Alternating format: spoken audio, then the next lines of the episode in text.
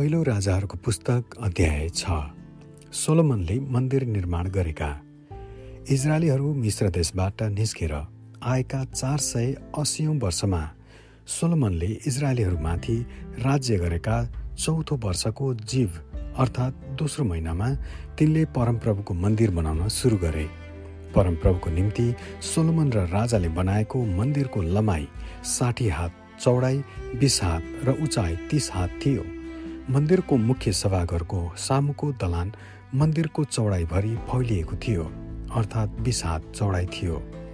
मन्दिरको अघिल्तिर त्यो दस हातसम्म निस्केको थियो। तिनले मन्दिरको छाना मुनिका साँगुरा झ्यालहरू बनाए।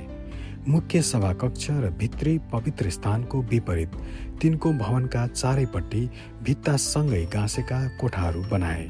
सबैभन्दा मुनिका तलाको पाँच चौडाइ पाँच हात थियो। बिचका तल्लाको चौडाइ छ हात र तेस्रो तल्लाको चाहिँ सात हात थियो। तिनले मन्दिरका चारैपट्टि बाहिरतिर मन्दिरको भित्तामा केही नघुसाउन भनी पालीहरू बनाए। मन्दिर बनाउँदा ढुङ्गाको खानीमै तयार गरिएका टुक्राहरू मात्र प्रयोग गरिए। घन र छिनो वा कुनै किसिमका फलामका औजारको आवाज पनि मन्दिर निर्माण गर्ने ठाउँमा सुनिएन। सबैभन्दा तल्लो तलाको द्वार मन्दिरको दक्षिणपट्टि थियो। त्यहाँबाट बीचको र माथिल्लो तलामा जानलाई सिँढी थियो। यसरी दलिन र देवदारूका फल्याकहरूबाट त्यसको छाना बनाएर तिनले मन्दिर सिद्ध्याए तिनले मन्दिरका चारैतिर ससाना कोठाहरू बनाए। प्रत्येक कोठा पाँच हात अग्लो थियो र मन्दिरसँगै देवदारूका काठका सत्तरीले जोडिएका थिए। तब परमप्रभुको यो वचन सोलमन कहाँ आयो? तैँले बनाइरहेको यस मन्दिरको विषयमा चाहिँ यसो हुन्छ। यदि तैँले मेरा उर्दीहरू पालन गरिस् र मेरा विधिहरू बमोजिम गरिस् भने र मेरा सबै आज्ञाहरू पालन गरिस् भने मेरो त्यो प्रतिज्ञा तँद्वारा म पुरा गर्नेछु जो मैले तेरो पिता दाउदसँग गरेको थिएँ र म इजरायलको बीचमा रहनेछु र मेरो प्रजा इजरायललाई म त्याग्ने छैन। यसरी सोलोमनले परमप्रभुको मन्दिर बनाएर सिध्याए।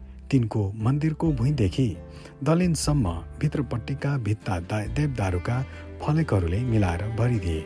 मन्दिरभित्र पछाडिपट्टि तिनले भुइँदेखि दलिनसम्म देवदारूका फलेकहरू मिलाएर बिस हात लामो भित्री पवित्र स्थान अर्थात् महापवित्र स्थान बनाए। त्यसको अघिल्तिरको मुख्य सभा कक्ष चालिस हात लामो थियो। मन्दिरका भित्रपट्टिको देवदारूको काठमा चाहिँ फक्रेका फूल र लौकाका बुट्टा कुदिएका थिए। ती सबै देवदारूका थिए। ढुङ्गा एउटै पनि देखिँदैनथ्यो मन्दिरको भित्रपट्टि परमप्रभुका करारको सन्दुक राख्नलाई तिनले त्यो भित्री पवित्र स्थान तयार पारे। यो भित्री पवित्र स्थान बिस हात लामो बिस हात चौडा र बिस हात अग्लो थियो। तिनले त्यसलाई कञ्चन सुनले मोहरे र देवदारूको वेदी पनि मोहरे। सोलोमनले मन्दिरको भित्री भाग कञ्चन सुनले ढाके र सुनले मोहरिएको भित्री पवित्र स्थानको सामुन्य तिनले सुनका सिक्रीहरू झुन्ड्याएर बढाए। यसरी तिनले भित्री भाग जम्मै सुनले मोहरे। भित्री पवित्र स्थानमा भएको वेदी पनि तिनले सुनले मोहरे। भित्री पवित्र स्थानमा तिनले भद्राक्षको काठबाट दुईवटा करूप बनाए। प्रत्येक करूप दस हात अग्लो थियो। पहिलो करूपको एउटा पखेटा पाँच हात लामो थियो र अर्को पनि पाँच हात लामो थियो। एउटा पखेटाको टुप्पादेखि अर्को पखेटाको टुप्पासम्म दस हात थियो। दोस्रो करुबको नाप पनि दस हात थियो। किनकि ती दुई करुबहरू कद र आकारमा एकै थिए। प्रत्येक करुबको उचाइ दस हात थियो। तिनले करुबहरूलाई मन्दिरको भित्री कोठामा राखे। तिनीहरूका पखेटा चाहिँ बाहिरतिर फैलिएका थिए। एउटा करुबको एउटा पखेटाले एकापट्टिको भित्तालाई र अर्को करुबको एउटा पखेटाले अर्कोपट्टिको भित्तालाई छुन्थे र तिनीहरूका अर्का पखेटाहरूमा चाहिँ कोठाको बीचमा छुन्थे। तिनले ती करुबहरूलाई सुनले मोहरे। मन्दिरका चारैपट्टिका भित्री र बाहिरी कोठाहरूका सबै भित्ताहरूमा तिनले करुहरू खजुरका बोटहरू र फक्रेका फुलहरूका बुट्टा कुदेर बनाए। तिनले मन्दिरका भित्री र बाहिरी दुवै कोठाहरूका भुइँ पनि सुनले मोहरे। भित्री पवित्र स्थानको द्वारको निम्ति तिनले पाँचपट्टिका थाम भएका भद्राजको काठका ढोकाहरू बनाए अनि ढोकाहरूमा तिनले करुबहरू खजुरका बोटहरू र फक्रेका फुलहरूका बुट्टा कुदेर बनाए र करुबहरू र खजुरका बोटहरू चाहिँ पिटेका सुनले मोहरे। त्यस्तै गरे तिनले मन्दिरको मुख्य सभा कक्षका द्वारको निम्ति भद्राक्षको काठका चारपट्टिका थानहरू बनाए।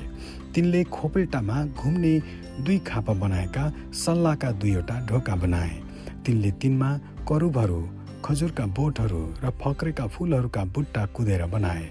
ती बुट्टा सुनले बराबर मरे अनि तिनले भित्र चोक काटेका ढुङ्गाका तीन लहर गरी र देवदारूका काठका सत्तरीको एक लहर गरी बनाए। चौथो वर्षका जीव महिनामा परमप्रभुका मन्दिरको जग बसालियो।